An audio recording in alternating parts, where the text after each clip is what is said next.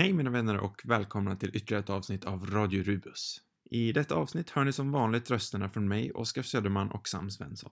Eh, och äntligen är det dags för detta länge lovade avsnitt där vi talar om Tim Burtons kontroversiella uppföljare till Batman, nämligen Batman Returns. Eller Batman Återkomsten, som den logiskt nog heter på svenska. Eh, vi talar även en hel del om superhjältefilmer i dagens filmsamhälle och kontrasten mellan nu och då. Som vanligt talar vi även om spoilers genom hela avsnittet, så kolla på filmen innan.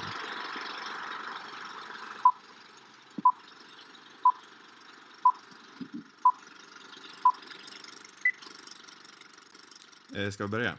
Mm. Hej Sam! Hej Oskar. Idag ska vi prata om Batman Returns från 1989, nej, 92 tror jag. Mm. Ja. Eh, helt okej film, Mm. Tycker jag. Är det? Har sina misstag, har sina fördelar, men helt Mm. okej rulle. Ja, den är... Man jag känner mig lite delad på den, men den är fortfarande en ganska okej film. Alltså den är ju skitkonstig. Ja, den är skum. Eh, och så är det en julefilm, så den passar in nu i juletider. Ja, det är perfekt. Jag får att jag tyckte mer om den förra gången jag såg den. Ja, det kände jag också faktiskt. För att jag har... Den har liksom hoppat emellan olika gånger känns det som. För jag har haft ett ganska så här långt... Ja, men en avsky nästan Mm. till den. Mm. Och sen så började jag gilla den. Men nu känns det... Nej, jag är inte tillbaka på avsky, men, men eh, jag känner mig inte lika positiv längre. Eller inte den här gången. Nej, jag har också haft en period där jag verkligen, verkligen gillar den. Nästan så att den är en av mina favoriter. Mm, Eh, det kände jag nog inte den här gången, men jag tycker fortfarande att den är riktigt bra. Mm, Eh, allting med Catwoman är skitbra tycker jag. Det är ju det som är filmens starkaste sida. mm. Jo, jo, det är väl delvis bra i alla fall. Jag tycker allting med henne är skitbra faktiskt. Eh, speciellt, eh, lite klyschigt att säga, men speciellt den här balscenen. Mm. Den Jo, är den är som väldigt helst. bra. Det, det känns ju väldigt mycket som att det är hennes film också. Mm, Den skulle nästan kunna heta Catwoman istället. mm, men så är det lite med Burtons första film också. Det är ju nästan bara en Joker-film. Mm. Men jag känner att jag har inte riktigt någonting emot det i Burtons filmer. För det känns som han har aldrig riktigt... Han bryr sig inte så mycket om Batman som eh, kanske Chris Nolan gör till exempel. Nej, han är ju ganska... Ja, jag vet inte, den här filmen säger inte så mycket om, om Batman egentligen. Nej, Han, är, han känns mer som en pjäs bara på något sätt. precis. Han, har, han är som en liten sidkaraktär bara för att få huvudkaraktärerna att Mm. rulla vidare. Det är ju väldigt intressant. Det är vågat att göra en, en Batman-film där Batman inte är huvudkaraktär. Mm, verkligen. Jag tror att det är en halvtimme in när Batman dyker upp. Mm, just det. Jag tror att det är någonting sånt i alla fall. Mm, Vilket egentligen är helt galet. mm, Men eh, jag har inte riktigt någonting emot det heller. Särskilt, jag förstår att man tyckte det var irriterande ja, när filmen först kom ut. Men så här i efterhand när man faktiskt har en hel drös med Batman-filmer så känner jag att jag bryr mig inte riktigt om man leker med karaktären och hela mytosen runt omkring honom. nej, jag tycker inte heller det är något, något problem faktiskt. Men absolut, jag förstår Fast, hur jo, det är delvis ett problem. Eller jag tycker nog att det, det funkar att inte använda honom som huvudkaraktär. Men jag känner nog ändå att han är ganska här, dåligt utvecklad karaktär i den här filmen. Eller alltså, det, han hade, även om han är en, det känns som en biroll så hade, så hade karaktären kunnat varit mer intressant. Det känns inte som att det känns inte som att det händer så mycket med honom under filmens gång. Nej. Nej, han är ju väldigt stadig sådär. Han är ju en typisk hjälte. Han är ju inte så plågad ändå som ja, men Christian Bales Batman är, eller Afflecks Batman. Nej, och han känns ganska platt på något sätt. Ja. Så det är ju lite synd. Ja, det är, och som sagt, det är ingenting de går in på i den första filmen heller. För hade de gjort det där så hade det ändå varit okej eftersom den här filmen den här filmen refererar ju till och med till den första. Så. Mm. Det här är ju den enda av de äldre filmerna som refererar till en annan. Mm. Vad tycker du om Pingvinen? Eh, Det är ju någonting där också, man känner sig så delad. Alltså det är någonting nästan, eh, vad ska man säga, det känns... Alltså man vet inte om man ska skratta eller om man ska vara... Alltså det är ju väldigt deppig historia. Det är ju något, väldigt- alltså det är något väldigt mörkt, men det är väl Burtons humor också. Mm, ja, det är väldigt makabert. Eh, men det blir ju nästan skrattretande också. Men det är väl kanske tanken. Jag vet inte. Ehm, Jag gillar ändå att han är en typ en twistad version av Batman. mm, För de är Mm. ju väldigt, väldigt tydliga paralleller till varandra. mm, att båda kommer från rika familjer och bådas föräldrar har dött. Och, men den Mm. ena eh, twistar ihop sig till en pingvin ner i kloakerna medan den andra lyfter sig upp från mörkret mm, och blir nattens riddare, Batman. mm. Nej, jag tycker fortfarande det är en bra karaktär. För han, för han är ju verkligen, han har verkligen spenderat tid på på att underbygga skurken, eller vad man ska säga. Han Mm. får ju väldigt mycket tid. Ehm, och det kan man ju... Det är väl det som är så spännande med den här filmen, att han lägger så mycket tid på, på de karaktärerna som förmodligen hade fått minst eh, tid i en mer konvention- konventionell film, eller vad man ska säga, superhjältefilm. Mm. Det är ju spännande. Ehm, men det är, ibland blir det liksom så tramsigt också så att det blir svårt att veta om, man ska ta, om det är meningen att man ska ta det på allvar eller om det är bara ett stort skämt alltihop. Ja, alltså vissa delar funkar ju uppenbarligen inte. Det känns som när Tim Burton blir för Tim Burtonig så sticker det ut lite grann. Mm. Eh, men jag tycker Danny DeVito är ju perfekt rollsättning Mm, på karaktären. verkligen. Eh, sen så blir han ju lite för mörk. Ja, men det är egentligen inte hans fel. Nej, absolut inte. Det är ju mer filmen. Men han Mm. ser ju väldigt bra ut också. Även fast de köper den här lite mer groteska. Det här är ju inte pingvinen som han var förr liksom. Jag kan Eh, väl känna att smink, eller för sminket, det, det var vissa, det, det blir liksom lite, det är ganska, alltså det är ju väldigt over the top som Mm. själva sminket om man ska säga, men jag tycker fortfarande att det är bra. Det är väl bara, eh, tänkte på, nej men alltså om man kollar på, alltså hans ansikte är väldigt sådär, han är väldigt sådär mörka ringar under Mm. ögonen, eller alltså det ser nästan, det ser ju lite såhär påmålat ut. Alltså lite så här, tog det ett steg för långt på något sätt. Men annars tycker jag makeupen är väldigt bra ändå. Alltså, Ja, det är så roligt att de på slutet så när det liksom rinner den där svarta geggan ur munnen på honom. Han är ju grotesk. Ja. Han blir ju nästan en skräckkaraktär. Mm, För det är ju, här är ju en helt annorlunda pingvin än vad man hade sett innan. Både i serietidningarna och på, Mm. i visuella, andra visuella medier. mm, Eh, Då hade han ju varit mest den här eh, ganska tråkiga, aerokratiska, korta gubben bara, som låter som en pingvin. mm, Så jag tycker ändå det var ett ganska smart drag att ta han i den här andra, andra riktningen. mm. Ja, han fångar ju också den här atmosfären på ett väldigt bra sätt med den här filmen tycker jag. Att Mhm. den här den mörkare Batman-atmosfären Mm. fångar han verkligen. Och, eh, men på något sätt, det, det är både och, men alltså mer Gotham-känslan och eh, ja, men det där mörkret på något sätt. Det fångar ju verkligen. Mm, Bra. Och där är ju pingvinen en viktig del av det för att lyckas. Sen har ju andra, jag tycker om man tänker liksom på eh, Arkham-spelen. Där har ju Mm. kommit in och gjort en blandning på pingvinen från den här och den mer traditionella pingvinen som jag tycker funkar bättre. Mm, för att den är inte riktigt så over the top liksom och den är inte så tramsig heller som den här blir ibland. Så Nej. att där, där är de mer, mer lagom kan man väl säga. Ja men precis, jag tycker det är en perfekt blandning av den traditionella pingvinen och den här pingvinen. Mm. Eh, du började prata lite om atmosfären i filmen tidigare. Mm. Och Tim Burton är verkligen en mästare av atmosfär. Mm. Den här filmen har ju en väldigt speciell känsla. Den sticker ju ut. Även fast jag tycker att världen flyter, flyter från den förra filmen till den här ganska väl. Så känns den Mm. här ändå väldigt annorlunda. Mm. Ljussättningen i den här är briljant tycker jag. Mm. Eh, Mm, och verkligen. Elfmans musik.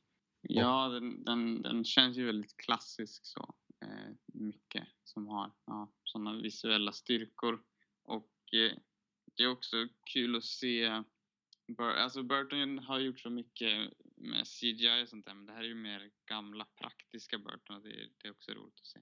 Jo, Sen kan man ju, alltså man känner ju ibland också att det är väldigt mycket sätt, eller vad man ska säga. Men, men jag tycker inte det gör så mycket. Det är också det som är häftigt på något sätt. för vissa grejer han gör med miniatyrer är ju helt magiska.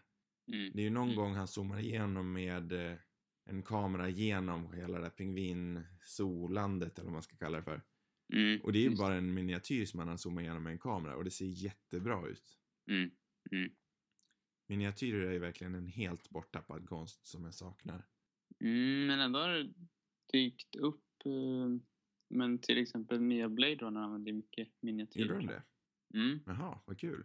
Ehm, det finns jättebra klipp där de visar eh, Ja men till exempel, ja men hela staden eh, är, det är en miniatyr. Jaha, fan vad kul. Eh, Eller miniatyr, alltså det är en jäkligt stor modell men det är en Mm. modell, den, är, den trodde jag var datagenererad men den är, den är verkligt byggd. Och lika det här uh, um, skrotippen-aktigt, det är också en modell som de har använt sig av, delvis.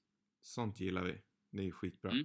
Så att jag tror ändå att det är det används, fast det är ju kanske den, den filmen är väl också väldigt praktisk. Det kanske inte gäller för alla men Nej, men alltså så självklart så har ju datoranimerade bilder också sin plats. Men en kombination av det båda tycker jag alltid funkar bäst.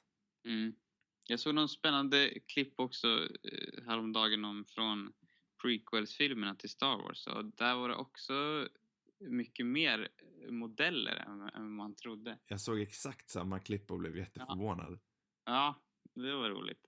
Ändå har jag liksom sett alla extra material till de där filmerna. Mm. Och jag har aldrig riktigt... Jag visste att det var mycket miniatyrer från, från Mustafar i slutet på episod 3. Men jag har aldrig tänkt på hur mycket miniatyrer det var till allting annat. Nej. Nej, det var...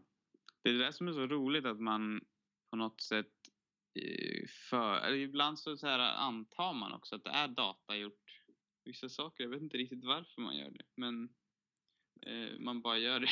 Om vi ska spåra in lite på de Star Wars-filmerna så kan jag tänka mig att om de hade blivit gjorda idag med samma, exakt samma teknik men om de var gjorda idag så hade de Mm. sett mycket bättre ut.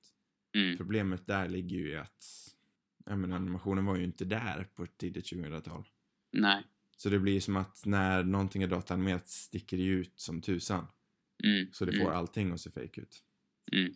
Vad tycker du om eh, Christopher Walkens Max Shrek? Ja, bra fråga. Ehm, jag vet inte riktigt vad jag tycker om honom. vad, vad har du för, för tankar? Alltså han är ju lite konstig Om man ska vara lite Batman-purist så känns det ju som en konstig karaktär att ta in när det finns andra som de hade kunnat haft ur det redan existerande eh, grundmaterialet. Mm, ja, det kan jag hålla med om. Men jag tycker ändå att han är i den här filmens konstiga, konstiga värld så tycker jag ändå att han passar in. Mm, För eh, Christopher Walken är ju så pass konstig. mm. Eh, och Mash, Men då känns han liksom vanlig nästan i jämförelse med många andra karaktärer. precis, han spelar ju sig själv också och det är ju alltid kul att se. Mm. Han har, han har ett några riktigt bra citat. Ett jag älskar är I feel almost vulgar in this Yuletide context. Han säger jättekonstiga, egentligen är de inte så roliga, men han har jättekonstiga repliker som känns som att han bara improviserat dem. Ja. För de känns så tydligt eh, walkeniga. Mm, Eh, det känns inte alls som att de skulle ha skrivit det. nej. Eh, Om Mm. vi ska gå in på lite mer kontroversiella med den här filmen. Mm, Eh, så var den ju... Den här vart ju jättekontroversiell när den kom ut. För de sålde ju... Eh, Donken sålde ju sina Happy Meals med Batman Returns-leksaker. Och den är ju väldigt våldsam. mm, Eh, Batman dödar ju till exempel ganska frikostigt i början. mm, Eh, det gör han ju i första filmen också, men här känns det som att det är ännu mer tydligt. mm. Jag tänkte på någon, att han puttar ner någon eh, i, en, eh, i en brunn eller vad det är för någonting Mm. med, en- med en bomb. Som var så här, ja. Om man jämför med att, att, att många var upprörda över ja, men senaste Batman vs Superman så, Mm. så är den här ganska... Fast det, det är också konstigt för de scenerna är ju väldigt funky på något sätt. Så att man tar det liksom inte på så stort, eller jag gör inte det på så stort allvar. Men om man ändå tänker på, jag menar i kontextet som den, den nya där hela filmen har mycket mer allvarlig, alltså man tar den mer på allvar för den är Mm. mer allvarlig. Den här kanske var menad att ta på, det, det vet, vet inte jag vad Tim Burton vill för någonting. Men den känns ändå med glimten i ögat på något sätt, även fast den är så mörk. Men det känns som hans humor, så jag tar kanske inte det på samma allvar på något sätt. Nej, nej, men det är ju inte jag heller. För i de nya filmerna så dödar ju Batman med stora bokstäver. I Mm, den här så dödar Batman, vi tar oss vidare det. mm, Där är det ju liksom ett medvetet val att han dödar nästan. Här känns det som att Batman alltid har dödat. mm, Han är ju inte den här ångestfyllda Batmanen vi är van vid. Nej, det är inte konstig.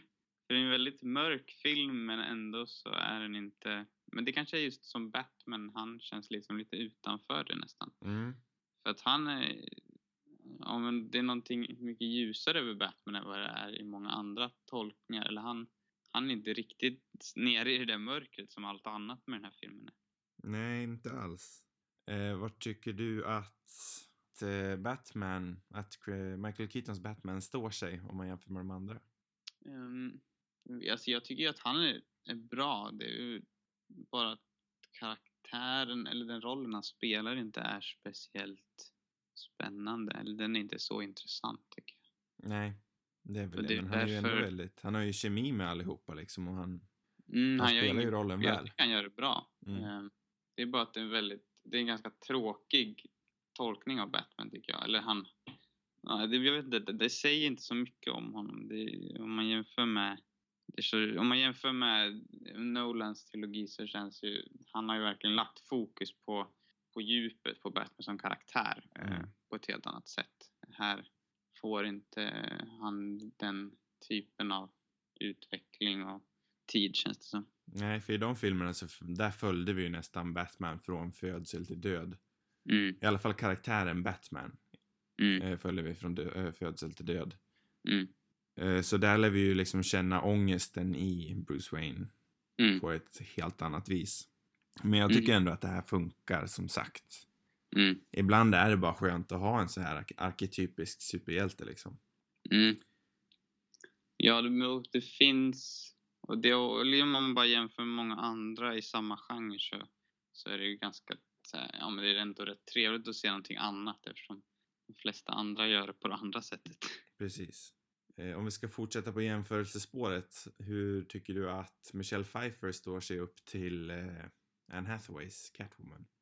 Det, eh, Pfeiffer är ju så mycket mer färgstark. Mm. Som, jag kan ju känna att Hathaways Catwoman, att jag nästan har glömt bort att, att den existerar på något sätt. Det är ju inte en karaktär som kommer gå till historien direkt utan det, det känns mest som en biroll i, i den sämsta av Nolans tre filmer som, ja, det är ingenting som man kommer komma ihåg. Nej, precis. Det är nästan som man liksom får påminna sig själv när...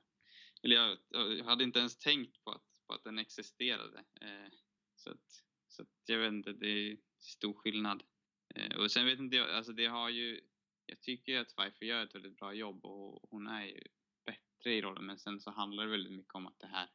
Den, ja, men den här Catwoman-tolkningen får så mycket mer plats också och är mer ikonisk. Mm.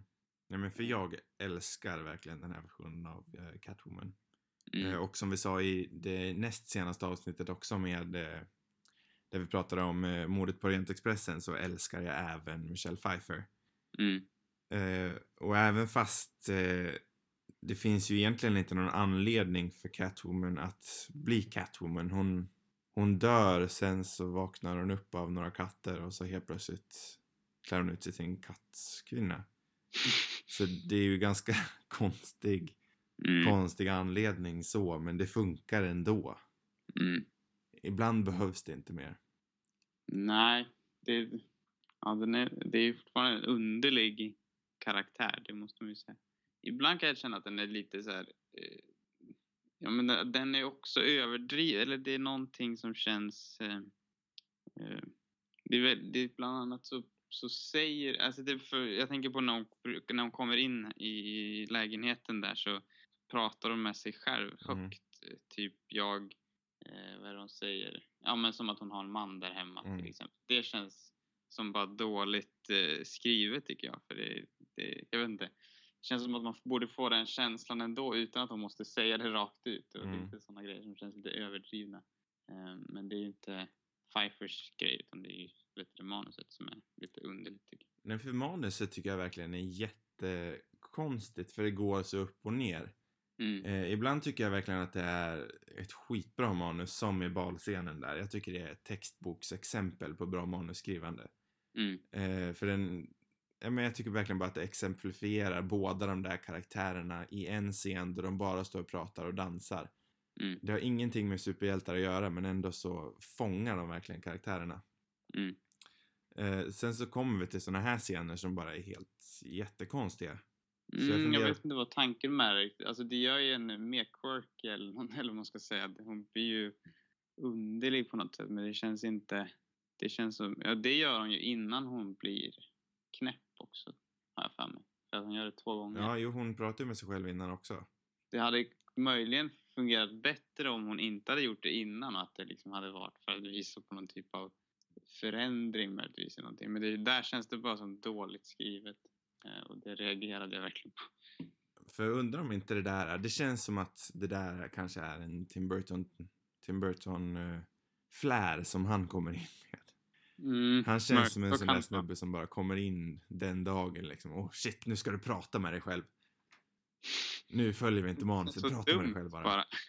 Jag förstod inte riktigt varför. Eh, poängen med det. Nej. Det skulle vara någon komisk touch eller ja, nej, jag vet inte. Det, det, känns, det känns så uppenbart ändå så jag förstår inte varför vi behöver det. Liksom. Men Nej, för alltså jag tror ju att grundmanuset är riktigt bra. Det känns så. Mm, För i de tyngsta dialogscenerna där de mest bara pratar så är den ju faktiskt... Handlingen i sig är ju ganska svåruppfattad och... Eller Mm. konstig, men... Eh, alltså om man snackar ut rent per karaktärsperspektiv mm, så tycker jag att det är ett väldigt bra manus. Men handlingen är ju egentligen jättekonstig. Kan du beskriva handlingen rakt upp och ner om jag skulle fråga dig? ja, jag måste tänka efter. Nej men... Eh, ja, jag vet, jag, alltså, jag vet typ inte vad den, vad den handlar om egentligen. Det är, ehm, ja, det är en bra fråga. Ja, verkligen. För den handlar ju om att pingvinen kommer in i staden, han vill bli accepterad Mm, som vanlig människa och därför... Men han tänkte ju inte bli borgmästare först, han blir, blir bara borgmästare eftersom att Christopher Walken säger åt honom att bli det. Varför ville Christopher Walken att han skulle bli borgmästare funderar jag också. Det har väl någonting med hans det där kärnkraftverket eller vad det är. Mhm, Mm. Ja just det, han blir ju poppis sen också så han kanske är en bra frontfigur för honom. Ja, jag tror att det är därför. För den gamla borgmästaren, för de- det hade ju nyss blivit en ny utvald borgmästare och han var väl emot Max Shreks powerplant. Mm. Och då så, ja, jag vet, någonting sånt där. Egentligen så är det en jätte, jättekonstig handling. Men som sagt så tycker jag att allting med karaktärerna är ju det som verkligen Men hur bäst. kommer Catwoman in i det hela egentligen då? För att, eller vad är hennes, hennes motiv borde ju vara mot, Hennes motiv är väl hämnd mot Max Shrek, mm. I guess. så, det, så det är när pingvinen går emot honom då som hon, Jag antar att hon ska försöka ta sig, alltså hon vill väl hitta sin väg mot Max Shrek via pingvinen. Mm. Egentligen är det ju inte okej att man ska behöva sitta så här och försöka förklara handlingen. Och sen kommer Batman in någonstans där i och ska, Ja, Rädda. han är, men han är bara som en, han är en spelare på schackbrädan som inte spelar så stor roll. nej. Han mest bara åskådar. Mm. För egentligen så hade väl allting löst, eller nej okej, nej det var ingenting. Jag tänkte säga att allting hade löst sig själv om Batman inte var med. Men då hade väl staden blivit sprängd av pingviner. Mm. Vilket också är konstigt. Ja, varför han ska göra det, det vet jag inte. Nej, för pingvindelen känns också... Nu pratar jag som att jag vet att det är så här, men det känns som att det också är en sån här Tim Burton-grej han kommer in med. Vadå för någonting? Pingvinsoldaterna. Mm. Men ja, det kan mycket väl ha varit med i manuset, men Ja, det är också jäkligt... Alltså det är jäkligt mycket underliga scener i den här filmen. mm, Ehm, han, han måste ju vara lite knäpp, Burton känns det som. eller så är bara visionär. ja, visionär eller knäpp, eller är det samma sak? Ja, det kan vara samma sak. Mycket väl. Man undrar var han får allt ifrån. Typ pingviner med, med bomber på ryggen och ja, Ja. det är många detaljer. Ändå var det här på 90-talet han var bra, skulle jag vilja säga. Mm. Big Fish var väl den sista bra filmen han gjorde. Och redan då var han väl på väg neråt. Mm. Men eh, när var det? 2002? Jag vet faktiskt inte när den kom. Någonstans då tror jag. Efter det har han väl bara gjort skit. Mm, man undrar vad det är som har hänt för någonting eller vad det beror på.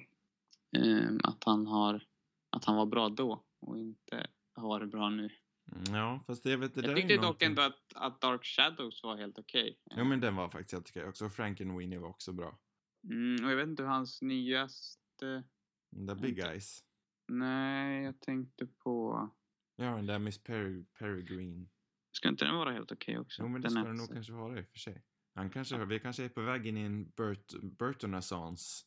Ja, förmodligen inte. Men han känns ändå som att han kanske har tagit sig ur det värsta lite grann i alla fall. Mm. Fast, ja, han är fortfarande ojämn. Fast det kan man ju känna att han var då också. Jag har inte sett så mycket av hans gamla mer än Batman. Men Nej, Men för det det- känns som att han är också en sån där regissör som blev, eh, om vi ska ta tillbaka det till Star Wars åter en gång, så är han en regissör precis som George Lucas som blev lite väl belamrad av, av eh, datagenererade bilderna. Att han kände, oj shit, nu kan jag göra vad jag vill. Så handlingen hamnar lite i, i undan liksom, bara för att främja bilderna.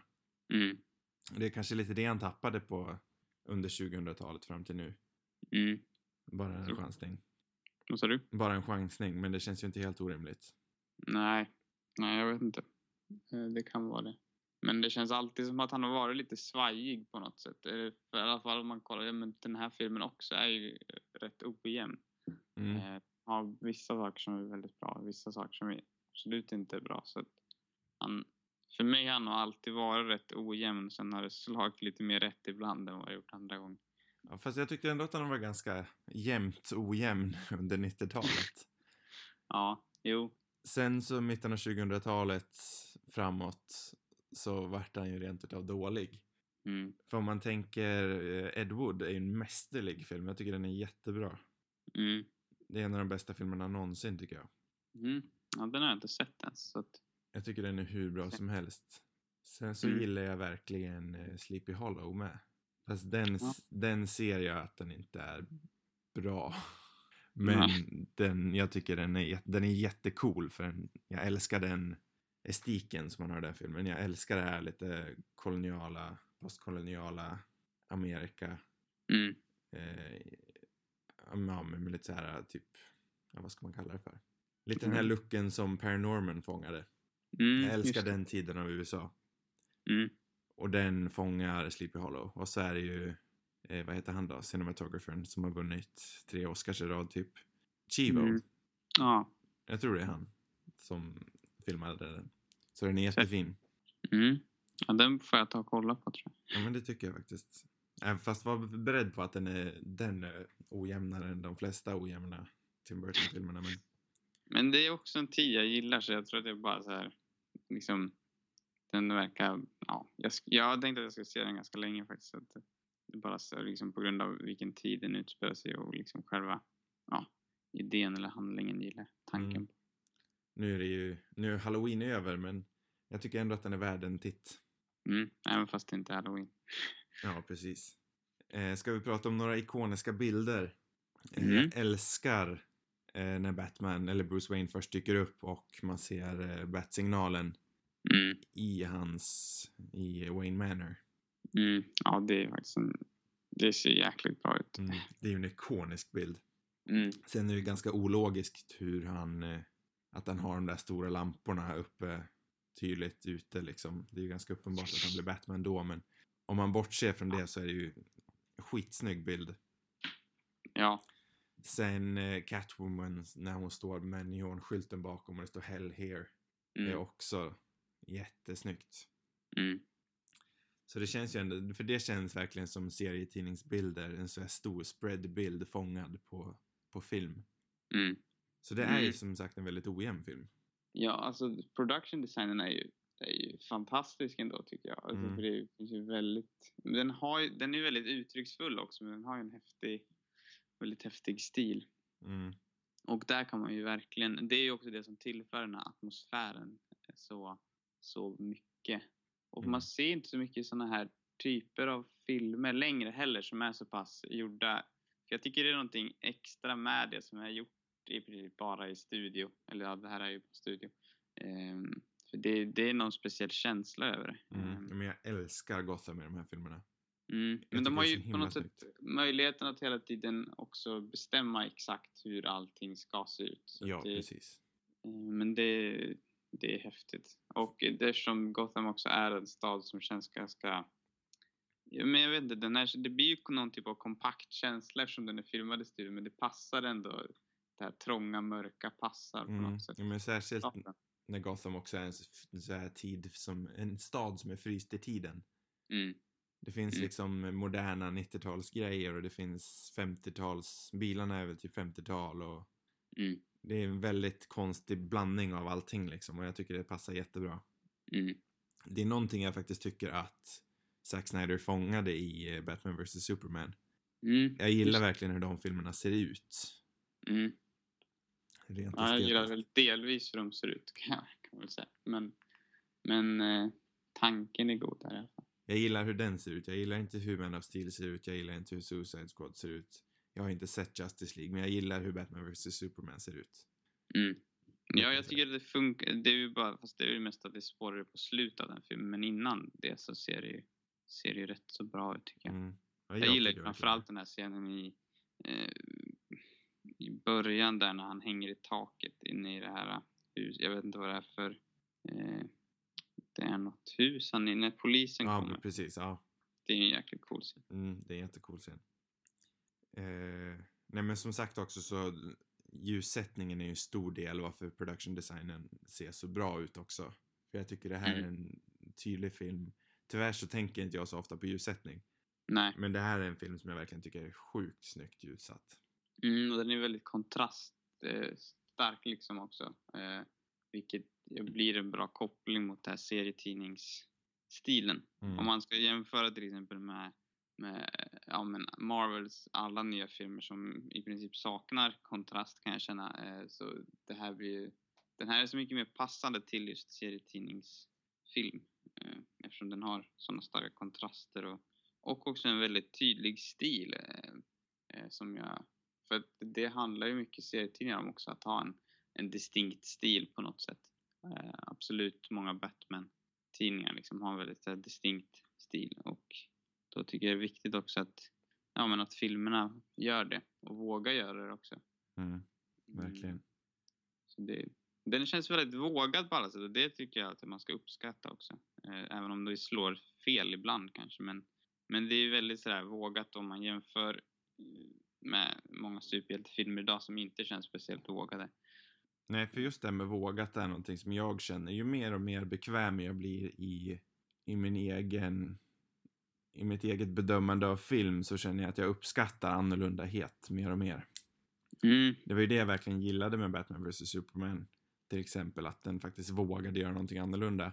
mm, Eh, men på andra sidan var det det jag var lite skeptisk till med, eh, med Star Wars förra veckan också. Jag har fortfarande inte Mm. sett den en gång till. Men den var ju som sagt, jag tyckte det var en bra film men jag var inte riktigt annorlunda för, nej. för förändringen. Men det sa jag ju hela tiden i det avsnittet också, att annorlunda behöver inte vara dåligt. Ofta så är det faktiskt bra. Mm, Eh, men självklart så förstår jag ju att man är, om man har en viss förkärlek till, ett, till en viss IP så förstår jag ju att det är svårt med förändring. Märkte jag Mm. det själv då.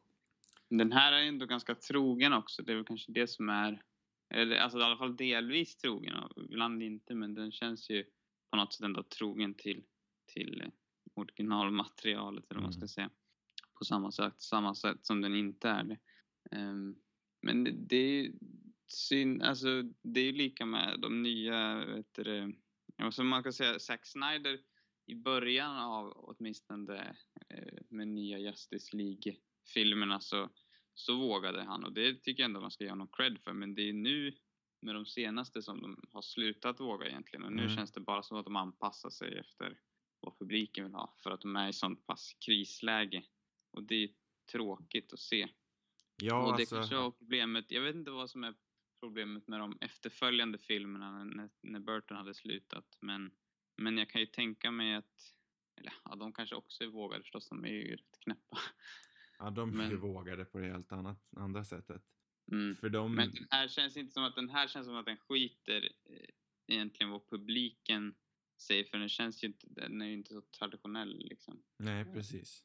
Och Nej, det är ju då, om man kan lyckas och att det funkar ändå, då, då blir det ju någonting helt annat än, än de här filmerna som verkligen gör allt de kan för att bara göra publiken nöjd. Precis. För nu när du säger det så är det ju faktiskt en ganska tydlig parallell som har hänt. För det som hände då och det som händer nu. Mm. Eh, med tanke på att den här filmen fick ju en enorm backlash och studion gick ju direkt och bara nej, nu ska ni göra mer barnvänliga filmer. Mm. Och då så kom, eh, ja vad nu fan han heter. Eh, ja, nu kommer jag inte ihåg vad han heter. Eh, men då kom han in och gjorde mer barnvänliga Batman-filmer i Batman Returns och eh, Batman och Robin. Det är ju ganska exakt det som händer nu med Batman vs Superman och Justice League. Mm. Det är ganska intressant faktiskt, det har jag inte tänkt på. Ja, det är en tråkig väg att gå. Jag tror inte att det är något framgångskoncept heller egentligen. Nej, inte alls. Absolut inte som det är idag när det känns så väldigt tydligt att de, att de bara vill göra samma sak som Marvel också. Mm, ja, på det viset var det ju inte samma ho- homogena, homogena superhjältekultur i filmvärlden. Nej, då fanns det inte någon annan storebror eller man ska säga som man ville kopiera. Utan Nej, då var ju Batman Ja, storebror. ja.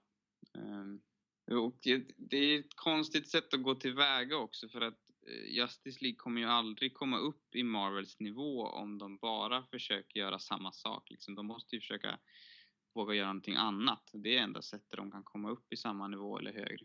Mm. Ja, det var ju ganska tydligt eftersom det gick väl ganska dåligt för Justice League. Varken du eller jag har ju sett den. Nej, och det är rätt konstigt. Ja, verkligen. Om man tänker på hur pass stora Batman-fans du och jag är. Mm. Så är det. Nej, och även om Wonder Woman var en helt okej film så den var ju också, det kändes ju som en Marvel-film. Mm. Eh, och det, det är en av anledningarna till att jag bara tycker att den är okej. Och sen fanns det ju många andra problem också med men, men ja, det är ganska tråkigt det där och det är väl det som är problemet med Marvel-filmerna också för mig för att det känns som att de, eh, de har kommit till något till ett ställe där det, där det sällan känns nytt längre utan att det känns det känns bara så men det är som en stor fabrik bara som slänger ut bra, det är bra kvalitet men det är ingenting eller helt okej kvalitet beroende Mm. på film då. Men det är ingenting som känns fräscht. Nej, precis. Nej, för just det här med Wonder Woman är ju ganska konstigt. För där känns det verkligen som att du och jag var i minoriteten när vi kom ut och såg den. Mm. För där, den kändes verkligen universalt älskad. Mm. Men när du och jag pratade om den så var ju vi ganska enade i vad vi tyckte om den. Ja, den är ju många som vill att den ska få en Oscar till och med. sådana- Ja, vilket jag inte grejer. alls köper. Jag tyckte det var en okej film, men den är ju precis som du säger. Alltså den hade, jag hade köpt det utan tvekan att den var med i, en, att den var med i Marvel-universumet. Mm. Det känns precis som en Marvel-film. Mm. Nej, det, det är jätteunderligt. Men eh, det är väl många som gillar Marvel-filmer fortfarande som kanske tycker om att, att det är någon annan som gör samma sak. Jag vet inte. Ja, nej, jag gillar också Marvel-filmer, men jag börjar ledsna på dem med. Jag har inte sett på Thor Ragnarok än heller. Nej. Första MCU-filmen jag missat i biografer. Eller den kanske fortfarande går, så jag kanske hinner se på den, men... Mm. Nej, men man, det känns som att man, de, de är liksom på väg att de kommer ju bryta ner sig själva snart om de inte gör någonting nytt. Det Mm. känns som att de bara de går mot undergången på något sätt. Det tror jag Marvel också gör. De kan inte, de kan inte fortsätta på samma spår utan att förnya sig någon gång. Det, det blir på samma sätt som för vilket storföretag eller vad som helst. För man kan ju göra samma parallell liksom mot ett, mot ett stort företag som ja, producerar vad som helst. Mm. Att om man bara är, är kvar i det, i det man alltid har gjort så kommer det komma en dag när, när folk är trött på det. För det är många som säger det att Marvel faktiskt förnyar sig hela tiden och att de gör annorlunda saker i varje film. Men jag, tycker, jag håller inte med om det. Alltså bara Nej. för att de utspelar sig i olika genrer så de känns fortfarande som exakt samma film allihopa. Mm. De har ju samma typ av humor. De ser relativt likadana ut. Det har faktiskt börjat ändras lite. Mm, men de har ändå, och jag tycker utseendet också är väldigt, eftersom de ska se likadana ut så blir det väldigt så här, tamt och eh, kontrastlöst och trist på något sätt. Det, de är inte speciellt uttrycksfulla, Nej. tycker jag. Även om det vissa, det finns vissa sekvenser i vissa filmer som är det och det finns eh, vissa filmer som är bättre än andra men i slutändan så blir det ändå bara en grå massa på något sätt av alltihopa tycker jag. Nej, jag håller med dig. Men vi låter som riktiga filmsnobbar. Ja, det kanske vi gör, men då får vi göra det. Ja, vi kanske är det till och med. Vem vet? Men vi har ju gillat Marvel förut. Ja, absolut. Jag har älskat Marvel förut. Så att jag, jag tror bara att det... jag tror det inte är så långt kvar tills eh, de många andra också kommer känna likadant. Eller jag hoppas att det är så. Mm. Nej, jag hoppas faktiskt på någon slags förändring snart. Men nu när Jag- Disney köper upp allt och alla så är det kanske det här vi får leva med. Mm. Men vet... Ja, det är väl det som är risken. Men, men Disney kommer väl också märka någon gång att det kommer inte att funka. Ja. antar jag. Eller inte. Nej, alla, alla storföretag har, en, har upp och nedgångar tror jag. Ja. Så, Vem vet? ja. Um, ja, men eh, vad har du för avslutande tankar om, om vi ska återgå till, till filmen? Eh, men jag tycker att den, eh, som vi sa tidigare så går den ju alltid upp och ner. Jag hade ju en period där jag verkligen älskade den. Eh, men jag tycker faktiskt att det är en, eh, en av de bättre Batman-filmerna. Mm. Med ett par riktigt starka delar i sig. Jag älskar som sagt Catwoman. Eh, jag gillar Michael Keaton som Batman. Jag älskar atmosfären. Jag älskar eh, men hela världen som Tim Burton faktiskt skapade i den här serien. Mm. Sen är ju handlingen jättekonstig. eh, Pingvinen upp och ner. Men sammanlagt så är det en bra film. Som jag gillar trots... Inte trots, jag gillar den för att den är annorlunda. Punkt. Mm. Vad tycker Mm. du Sam Svensson? Mm. Jag är lite delad på den. Jag går också upp och ner på den hela tiden. Men den, den är helt klart den har helt klart fångat atmosfären och den, den, är, den känns ju ikonisk på något sätt.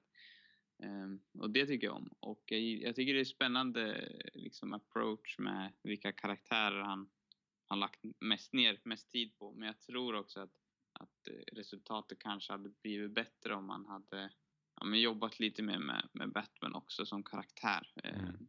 och sen, men sen kan jag känna att den är, jag vet inte, jag var lite uttråkad när jag såg den här gången. Det kan vara för att jag sett den många gånger eller någonting, men det kändes, nej, jag vet inte varför jag var uttråkad, men det var, det var, den var lite seg att ta sig igenom tyckte jag. Ehm, men ja, det är, jag tycker fortfarande att det är en bra, alltså det är en, det är en helt okej film i alla fall tycker jag. Eh, Det, jag skulle inte sätta den på min, min topp, men, eh, och Batman-filmen, men den, den är väl någonstans där i mitten, tänker jag mig. Ja, men jag håller nog faktiskt med dig. Mm. Eh, nästa vecka, eller det är lite oklart ännu när nästa avsnitt kommer ut. Men eh, vi funderar på att kanske ta en julpaus. Men eh, någon, någon gång inom snar framtid så kommer vi ut med ett nytt avsnitt. Eh, och då Mm. ska vi prata om, eh, ja Sam, vilka, vad ska vi prata om? Fanny och Alexander blir det då. Intressant val. Vi Mm. fortsätter lite med jultemat som vi började med nu den här veckan. Mm, det blir Returns. Den ultimata, tänker jag. Precis. Jag vet dock inte hur, hur, hur liksom, tänker mig att den kanske är rätt dyster också. Det är ingen, vi tar bara mörka julfilmer. Ja. Men den eh, kanske har ljusa stunder också. Jag har inte sett den någon gång. ja, jag har sett den för länge sedan men jag kan inte komma ihåg riktigt. Men jag, Eh. jag kan tänka mig att det inte är kanske mest muntra julfilmen. Ja, men Bergman brukar väl vara ganska munter? Ja. Han är väl känd för sin munterhet? Ja, det är sant. Eh, fler avsnitt hittar ni på cinemarubus.com. Mm. Det var allt för dagens avsnitt av Radio Rubus. Mm. Hej då Sam. Tack. Hej. Hej. Hej.